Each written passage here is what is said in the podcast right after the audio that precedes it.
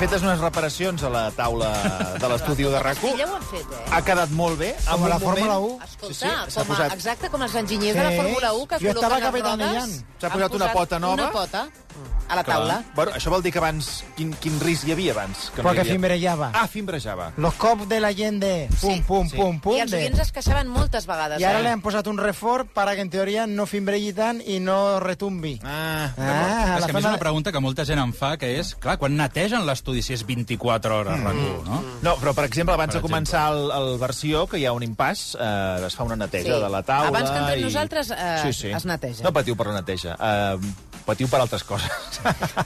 Però per la neteja no, no cal que patiu. Eh, Toni Muñoz, bona tarda. Bona tarda. Mm, periodista de successos i tribunals de la Vanguardia i col·laborador de, de RAC1. Ens has deixat anar un, bueno, una, no una bomba, una preocupació, una preocupació No, no. Sí, sobre sí. Eh, el que és les sancions al Barça Europa. pel cas Negreira. A veure què ens pots explicar? Com ho tenim, això? Doncs mira, clar, avui jo venia amb la idea de parlar del, del cas Negreira perquè havia hagut novetats en el procediment judicial, el que es jutja aquí a, a, a Barcelona, mm. però ens hem trobat amb aquesta notícia que ha tret l'ABC dient que l'ABC. eh, hi ha dos inspectors de la UEFA que estaven duent a terme una investigació home. en el si de l'organisme europeu que han conclòs, després de fer aquesta investigació, que el Barça ha de ser sancionat sense participar a la Champions League. Això, això qui ho diu? Dos inspectors... És a dir... Això, segons l'ABC, ho diuen dos inspectors de la UEFA. Que serien ser- els que s'han encarregat d'aquest tema. Clar, aquí hi ha, hi ha dues investigacions. Una, la que fa la justícia espanyola, que ja està en mans de la Fiscalia Anticorrupció i també de la Guàrdia Civil, i, per altra banda, una investigació mm, de caire, diguéssim, eh, esportiu, que és la que fa l'organisme europeu, la UEFA, per veure si s'han d'aplicar sancions més enllà de la pròpia sanció que pugui determinar el procediment judicial. Aquí, clar, la discussió que hi havia, i de fet també en parla en aquest programa i s'ha debatut molt, és si la UEFA pot sancionar el Barça abans que sigui castigat per la justícia. Perquè tu imagina't que l'acaben absolent mm. i el Barça es pot quedar sense disputar la, la Champions, no? Aleshores, clar, seria Aquesta sanció l'estàs dient per dir o és que és una de les coses que hi ha damunt de la taula? Que no disputi la Champions? Sí, clar, és a dir, aquesta és una de les principals, eh, dels principals càstigs que li pot caure en cas que la UEFA determini això.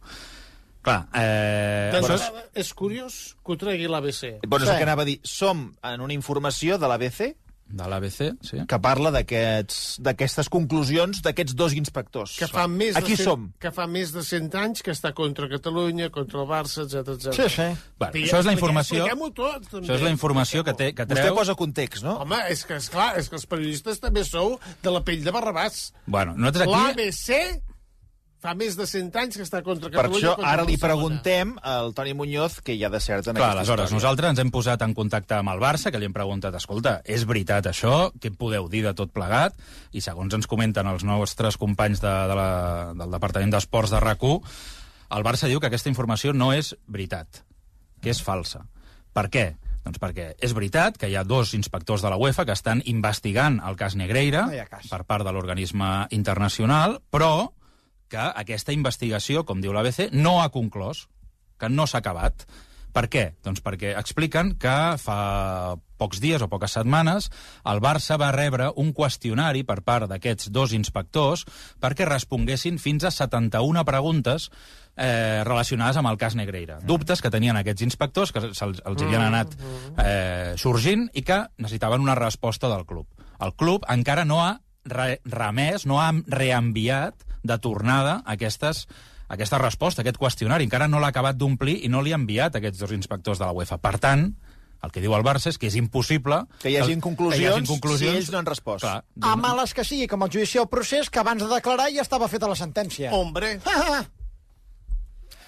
El context és El aquest. context és aquest. Eh, ara veurem si, eh, si realment la UEFA doncs, eh, se- es manifesta sobre aquesta qüestió o té bastanta lògica el que diu el Barça. Si nosaltres no hem, no hem acabat de respondre a aquesta diligència, a aquestes, a aquest qüestionari que ens han passat, Sí, doncs és impossible que els dos eh, inspectors de la UEFA hagin arribat a cap tipus de conclusió. No? i si fos el cas que Digue-li. haguessin arribat a algun Digue-li. tipus de conclusió, Digue-li, digue-li. a mi no m'estranyaria gens Digue-li, digue-li. que tot això vingués de Madrid. Eh? Hombre, No de la UEFA, de Madrid.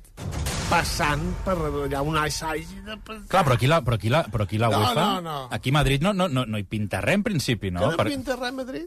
Ai, santa innocència. No hi pinta No res, pinta no? res, no. No pinta res. Home, perquè en principi els dos inspectors de la FP. UEFA... FP... Que a l'FP las, las sanciones le vuelan. FP. Eh? Ahora están, ahora no están. FP... FP no és, no és formació professional. FP...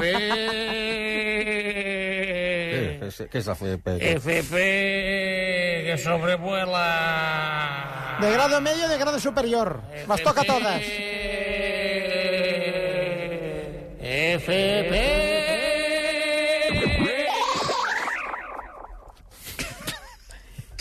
Bueno, això és les teories del senyor Marcelí. teoria, sí. Crec que ha quedat clar que és una informació de l'ABC, de, que parla de dos investigadors eh, que han tret unes conclusions, que el Barça diu que és impossible que les hagin tret perquè no s'ha acabat el procés. Crec que ha quedat ben explicat perquè avui això ha circulat com a, com a l'espuma per, per Twitter. D'altra banda, sobre el procés judicial a l'estat espanyol, l'àrbitre Xavier Estrada Fernández ha demanat que declari el secretari general de la Federació Espanyola de Futbol perquè va dir que Negreira havia facturat serveis a la federació. El cas de- d'Estrada, exactament, quina, quin paper juga? Sí, Xavier Estrada Fernández, recordem, és un àrbitre encara en actiu de primera divisió, que està designat, només fa, diguéssim, estar al bar, eh, al videoarbitratge. I... Ho has aclarit. No, vull dir, Sí, és perquè un no, àrbitre que es passa tot el dia al bar i, No, exacte. i arbitra el cap de setmana. No, no, però vull sí, dir que, Sí. que està designat només per això. Ja no Sí. el veiem als terrenys de joc, sinó sempre està a, a l'habitació del videoarbitratge. Sí, sí. I Xavier Estrada Fernández el que va fer va ser va interposar una denúncia eh, a nivell personal perquè s'investigués en- judicialment el cas Negreira. Això va ser un pas que va molestar moltíssim a la Federació Espanyola de Futbol i també al comitè d'àrbitres perquè per ells pensaven Per presentar una, una denúncia eh, conjunta o personar-se ells en aquest eh, procediment, però què va fer Xavier Estrada Fernández, mm, o què va provocar la seva denúncia, que va eh, fer enfadar tant els àrbitres? Doncs que en aquell moment la Fiscalia estava investigant de motu propi el cas Negreira i un cop hagués conclòs la seva investigació, hagués presentat una, una denúncia i aquest cas s'hagués judicialitzat. Amb l'entrada de Xavier Estrada Fernández el que va fer va ser paralitzar la investigació de la Fiscalia perquè en el moment en què hi ha una denúncia d'un particular, això ho ha de, queda sota l'empara, diguéssim, d'un jutge. Ja no és la Fiscalia qui pot anar investigant amb els termini que sigui, sinó que un jutge passa a ser el tutor, diguéssim, d'aquesta investigació. Per tant, la Fiscalia va haver d'aturar en aquell moment aquesta investigació del cas Negreira, que segons ens explicaven, els hi falta una part important, que és on han anat a, a parar els diners de Negreira o els diners que cobrava Negreira del Barça, on estan aquests diners? Doncs sembla ser que la Fiscalia volia arribar fins al final i aquesta denúncia que va presentar Estrada Fernández va paralitzar mm. aquesta investigació i eh, a hores d'ara, doncs, en fi, és un jutge qui porta, diguéssim, la, qui dirigeix la investigació i acaba, doncs, eh, bueno, i està intentant trobar aquests diners. Però, diguéssim, va paralitzar aquell, aquell procediment, no? I això va molestar moltíssim a, a molta gent, és a dir, des de la Fiscalia Yeah. fins, a, eh, fins a, als àrbitres, no? Que busquin el monedero del senyor Negreira de tenir cèntims al No, monedero. perquè... Petxina, no, una no, petxina d'aquella de les monedes. Bueno, van dir que el, el patrimoni que té Negreira és com si s'ho hagués eh, polit tot, eh? Jo no sé, a mi no, a mi no, No, no, Això es va dir No, que no, el això patrimoni era, era res, és a dir, no busqui cotxes, ni busqui això, xalets, ni busqui cases. Dels eh? 7,3 milions d'euros que va facturar són, el Barça, són aquests cèntims? no se sap. El senyor Negreira no els té, eh? I viu de lloguer. Per, perdoni, però el senyor Negreira els va rebre? Els va hi, ha, hi, ha un, hi ha un paper conforme Sí. els va rebre? Sí. Preguntin al senyor Negreira, a mi que m'expliqui. vaja, el senyor Negreira serà ara... complicat. Clar, ara... No, ja sé que està no està malalt, bé, ja sé està que pobre no està bé, pobre. L'altre dia vaig a comprar una altra cosa que no era una cartera, però vaig passar per la secció de carteres. Una mariconera, una mariconera. No, una cartera normal. Sí, sí. I Cares, us aviso Eh? Són caríssimes. que s'ha perdut el moneder. Sí, clar. No, Sí, sí.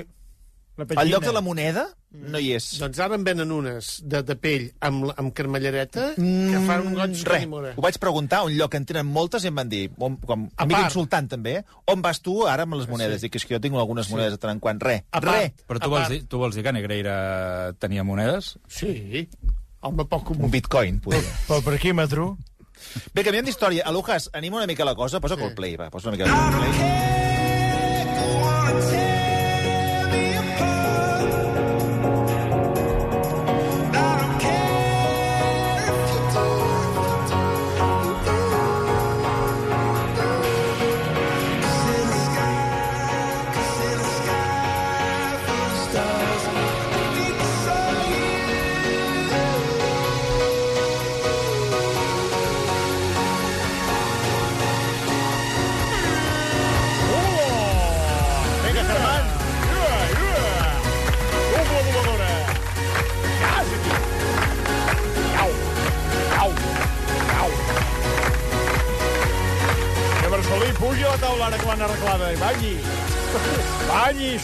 com si fos una... Què, que tu, eh? Tu, eh? Bé, hem parlat molt de Coldplay, sobretot n'hem parlat dels que hi han anat, eh, una mica de turra a través d'Instagram. Sí, i tot això, però bueno, està bé, Pobra mereixia, gent. s'ho Molts millors, molt millor que els del Bruce, que també, són menys pesats que els del Bruce, els de Sí. Coldplay, els del Bruce són més insistents, però no hem parlat de la gent que s'ha quedat a fora perquè aquest tema al principi semblava que eren dos o tres i ara ja estem parlant de venda fraudulenta d'entrades per aquests concerts de Coldplay a Barcelona amb una cinquantena de denúncies. I, I pujant. I pujant. I pujant. Es creu que al darrere podria haver-hi fins i tot 300 víctimes dient?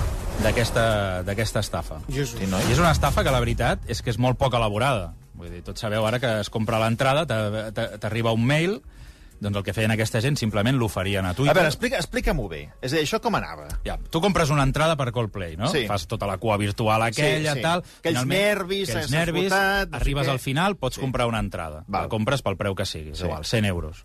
Barat, eh? 100 euros... Bueno, doncs no sé quan valia. És que jo, Sí, al 100 final, jo vaig arribar al final, però no vaig poder comprar-la. 100 i pico, 100 i pico. 100 i pico, sí, sí, val? sí. 190, no Sí, sé. sí, 190, vas bé, vas bé, val? sí. Por ahí. Tu reps el, el mail de confirmació Sí. de la plataforma que t'ha venut aquesta, aquesta En entrada. aquest cas, Ticket, Ticketmaster, crec que Ticketmaster, era. i tens el, el, bueno, allò, el, el, el paper, comprovant, el comprovant, paper, el comprovant. I ja està, amb el, amb el codi de barres, i amb això, doncs, simplement ho hauràs d'ensenyar a la porta de, de l'estadi olímpic. I En principi, amb el paper, ja- amb el paper ja entres, però la gent porta el mòbil i el paper perquè Exacte. es mosca. Sí, Top, sí. doble check. Exacte. Què feien aquesta gent? Doncs simplement oferien entrades a través de Twitter i reenviava, i, i bueno, feien, bueno, diuen, sí, sí, és seriós, t'ensenyo el meu DNI, sóc aquest, aquest, Sí, però aquest, entrades aquest. perquè els hi sobrava, no... Per... No, no, l'entrada que tenien ells, que se la revenien. Val, però I la perquè, revenien... perquè representa que no hi podien anar. Vull dir, quina era No, la història? sí, sí. Bueno, O que guanyar, sigui. guanyar diners, Val, ja, O- val, val. bueno, O tenir una comunió, és igual. és igual, però al final és venien aquella mateixa entrada moltes vegades. Mm. Què fas? O sigui, t'enviaven la teva entrada, el codi Exacte, QR... reenviaven. entrar- Què passava? Que hi havia molta gent amb la mateixa entrada. Per tant, va poder entrar el primer, el que va primer, arribar. el primer entrava, però el segon ja no. Fixa't. Noi, Clar. I el tema és que no s'amagaven gaire, perquè quina gràcia li realment... fa a vostè, això, ara? A veure, si ets borró...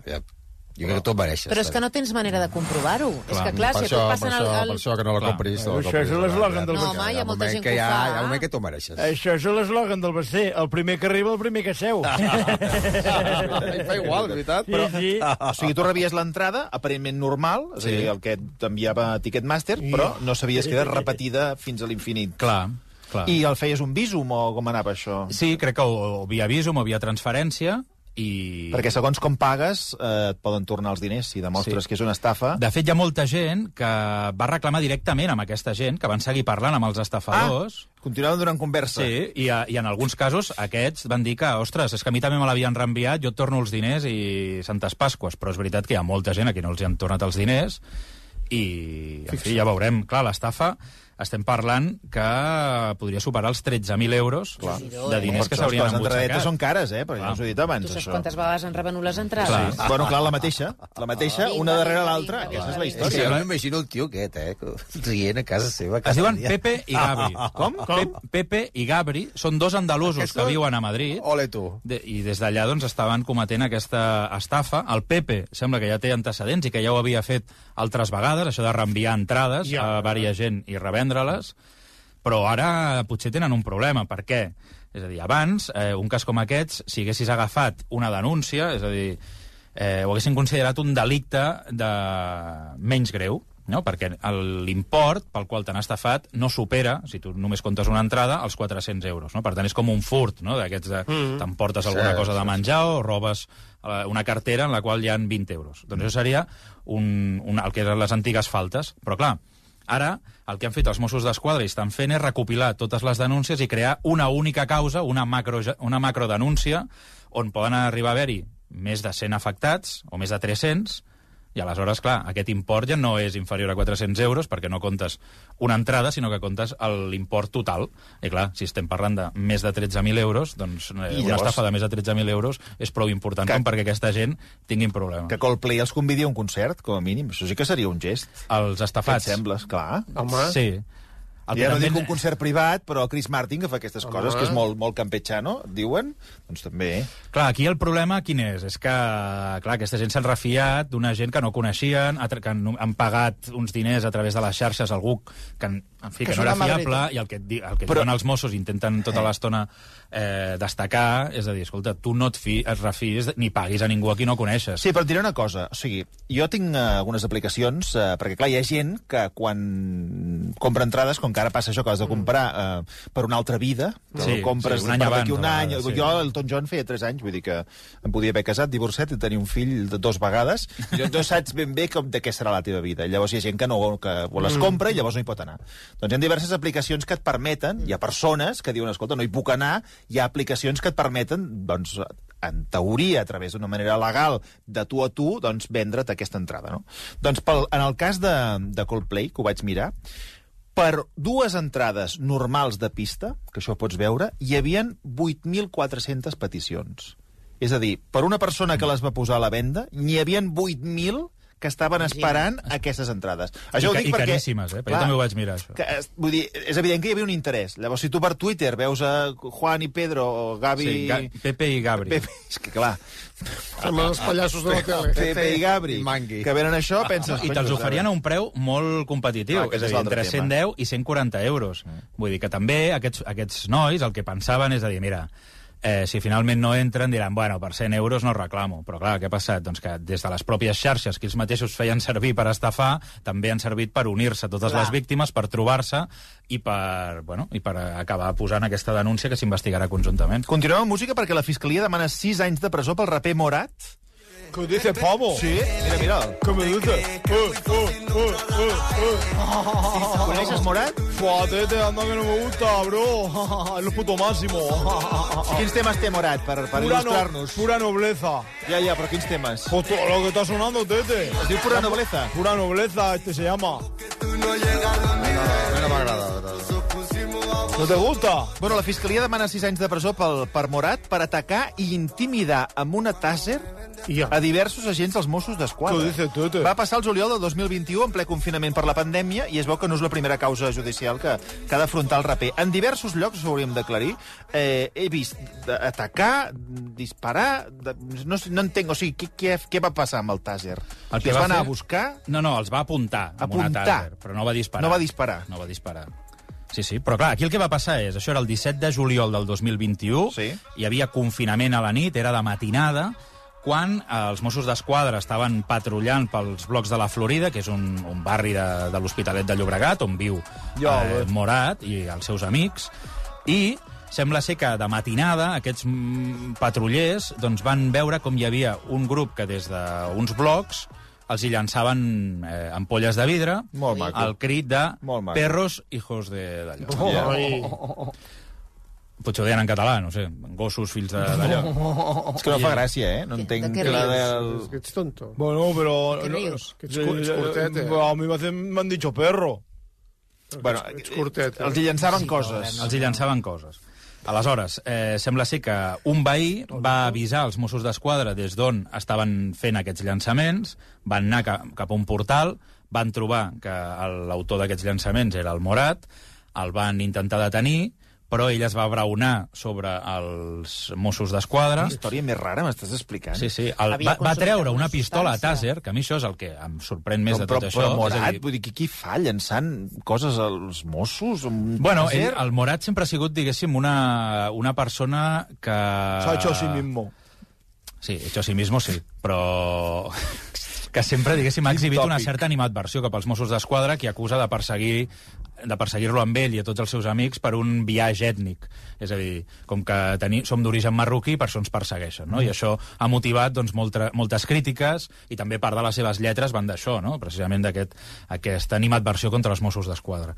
I eh, durant el confinament doncs, va passar això, doncs, que estaven llançant, o això diuen els Mossos d'Esquadra, i diu la denúncia de Fiscalia, estaven llançant aquestes ampolles, després va haver-hi aquesta persecució, Morat es va eh, resistir i es va abraonar sobre els Mossos d'Esquadra, va, els va apuntar amb una pistola a tàser, que a mi això és el que ja et dic, és el que més em sorprèn, perquè no sé què fa Morat amb una pistola a tàser. clar. Menys Yo tengo- apuntar un Yo una- tengo 8 o 10, no pasa nada, y las tengo trucadas para que pique más. I també, Però que eres tonto. Eres i també eh, va treure una, una barra, una porra extensible, que també és una arma doncs, que acostumen a portar els policies. No. És com si els hagués robat eh, els propis Mossos. No sé d'on ho ha tret. La veritat, i una porra no- extensible. Però això es pot comprar a algun lloc? Segurament. Sí, es pot comprar, però la gent civil, diguéssim, no... No, no, no. Anaves a dir la gent normal, però... La gent normal, però vull dir que no, que, vull dir que la, la, la gent que no és policia o que no és militar, doncs en principi no tindria... jo ho trobo fort. però Sí que és fort, sí que és fort, persona que és la policia persegueixi per el malament que canta, la veritat, ho trobo... I més, clar, no és per la lletra, perquè no sé com el Baltònic que es va ficar amb el rei i tal. Ell no es fica amb res. És que no per- no és per les lo lletres, dolent, eh? per lo dolent. Dius, a mi no m'ha agradat, eh? Però eh, eh, fins al punt de portar-lo a la presó he trobat ja... És que és com si ara jo a mi em posés a la presó per cada acudit dolent que faig. Bueno, no sortiria mai. Estigués en cadena Santa Perpètua. Sí. Bueno, és per una altra història, escolti millor. Per acabar parlarem del jurat que ha declarat culpable per unanimitat l'anomenat justicier de la presó, Luis García de Santiago, que va matar un intern condemnat per prostitució de menors. L'home s'enfronta a 24 anys de presó l'acusat va reconèixer haver matat a un altre intern, literalment, perquè era un violador de nens. I va fer servir, atenció, aquesta frase. Mi libro de cabecera es el arte de la guerra, enemigo sorprendido, enemigo medio vencido.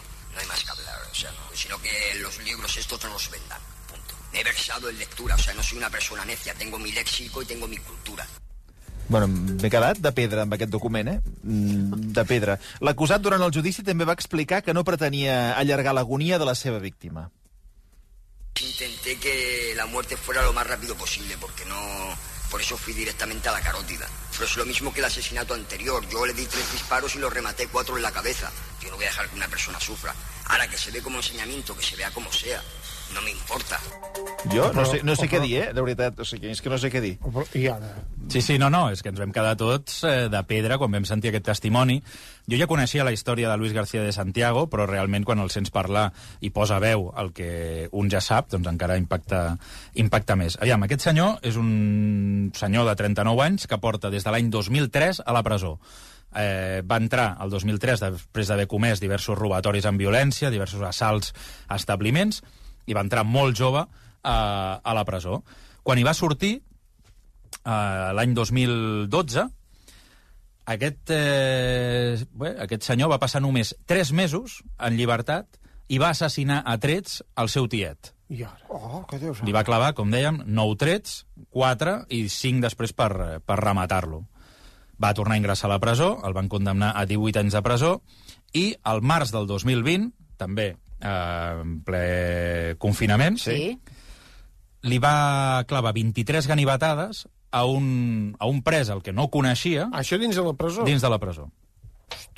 El va en, enxampar desprevingut per l'esquena i li va clavar 23 ganivetades enmig de, del pati, allà, davant de tothom, davant Però- dels funcionaris de I presó. d'on va i treure el ganivet? Bé, doncs aquesta és una de les grans incògnites del, del judici i, de fet, això ha obligat a la Generalitat a indemnitzar la família de la víctima com a responsable per no haver garantit la seguretat Clar. del centre i haver permès o no haver impedit que un ganivet entrés al centre penitenciari. Bueno, i dir, aquesta és una i l'altra és que li clavi 23 ganivetades i no, ningú Clar. pugui evitar-ho abans. va- va- I aquest senyor, aquest senyor el que Bueno, ha fet esclar. i el que inte intentava fer és reivindicar que s'ha pres la justícia per, per la seva pròpia mà, és a dir, pel seu compte.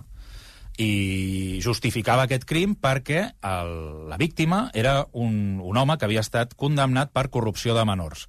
Eh, era un, un senyor doncs, que va agafar una, una menor d'edat de Romania i la va anar prostituint per diversos eh, llocs d'Espanya, fins que finalment el Raval doncs, els van detenir juntament a ell i a la seva, i a la seva parella.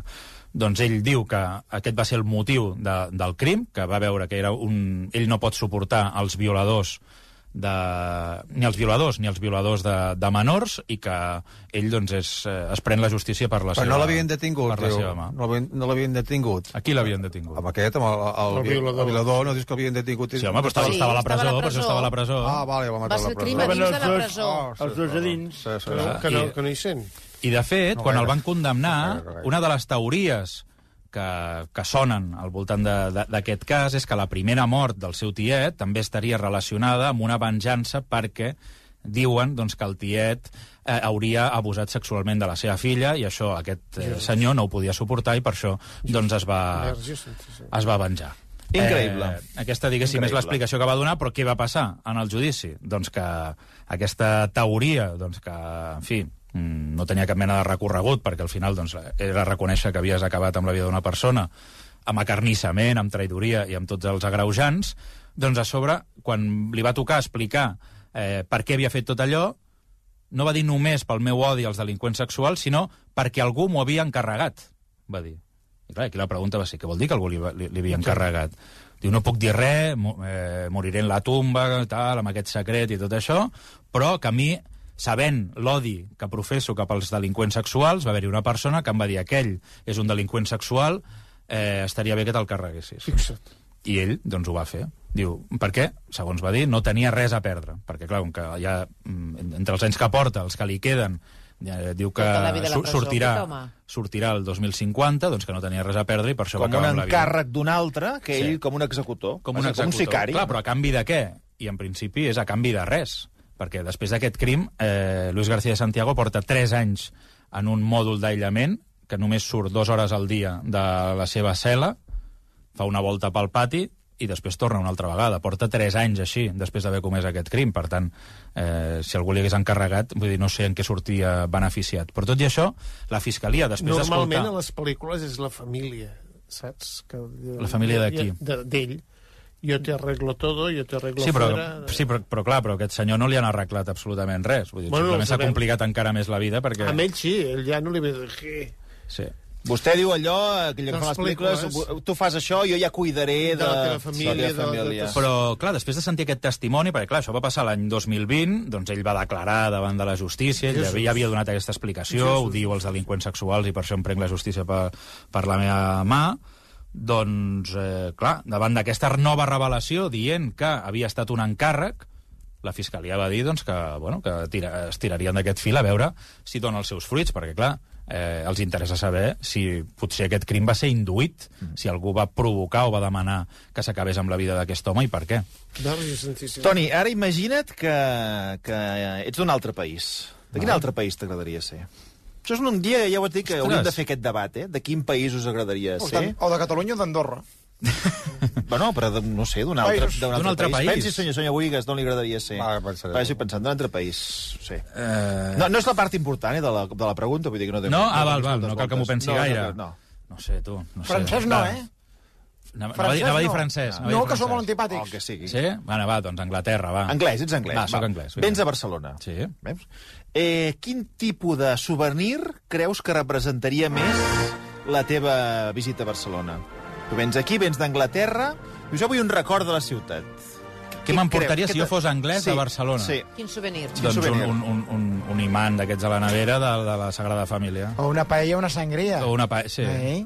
O un, o un barret mexicà d'aquest. Bueno, no, va, clar, aquest és el tema. Però tu has començat per l'imant. Un imant Sí, de la Sagrada Família? Sí, sí. Doncs aquesta és la pregunta que li farem a l'Estadella, perquè avui volem saber, els turistes que venen a Barcelona, què s'emporten de record, Clar. què creuen significatiu de, de Sí. Barcelona. Ara en parlem amb l'Estadella. Gràcies, Toni. Fins ara... Versió RAC 1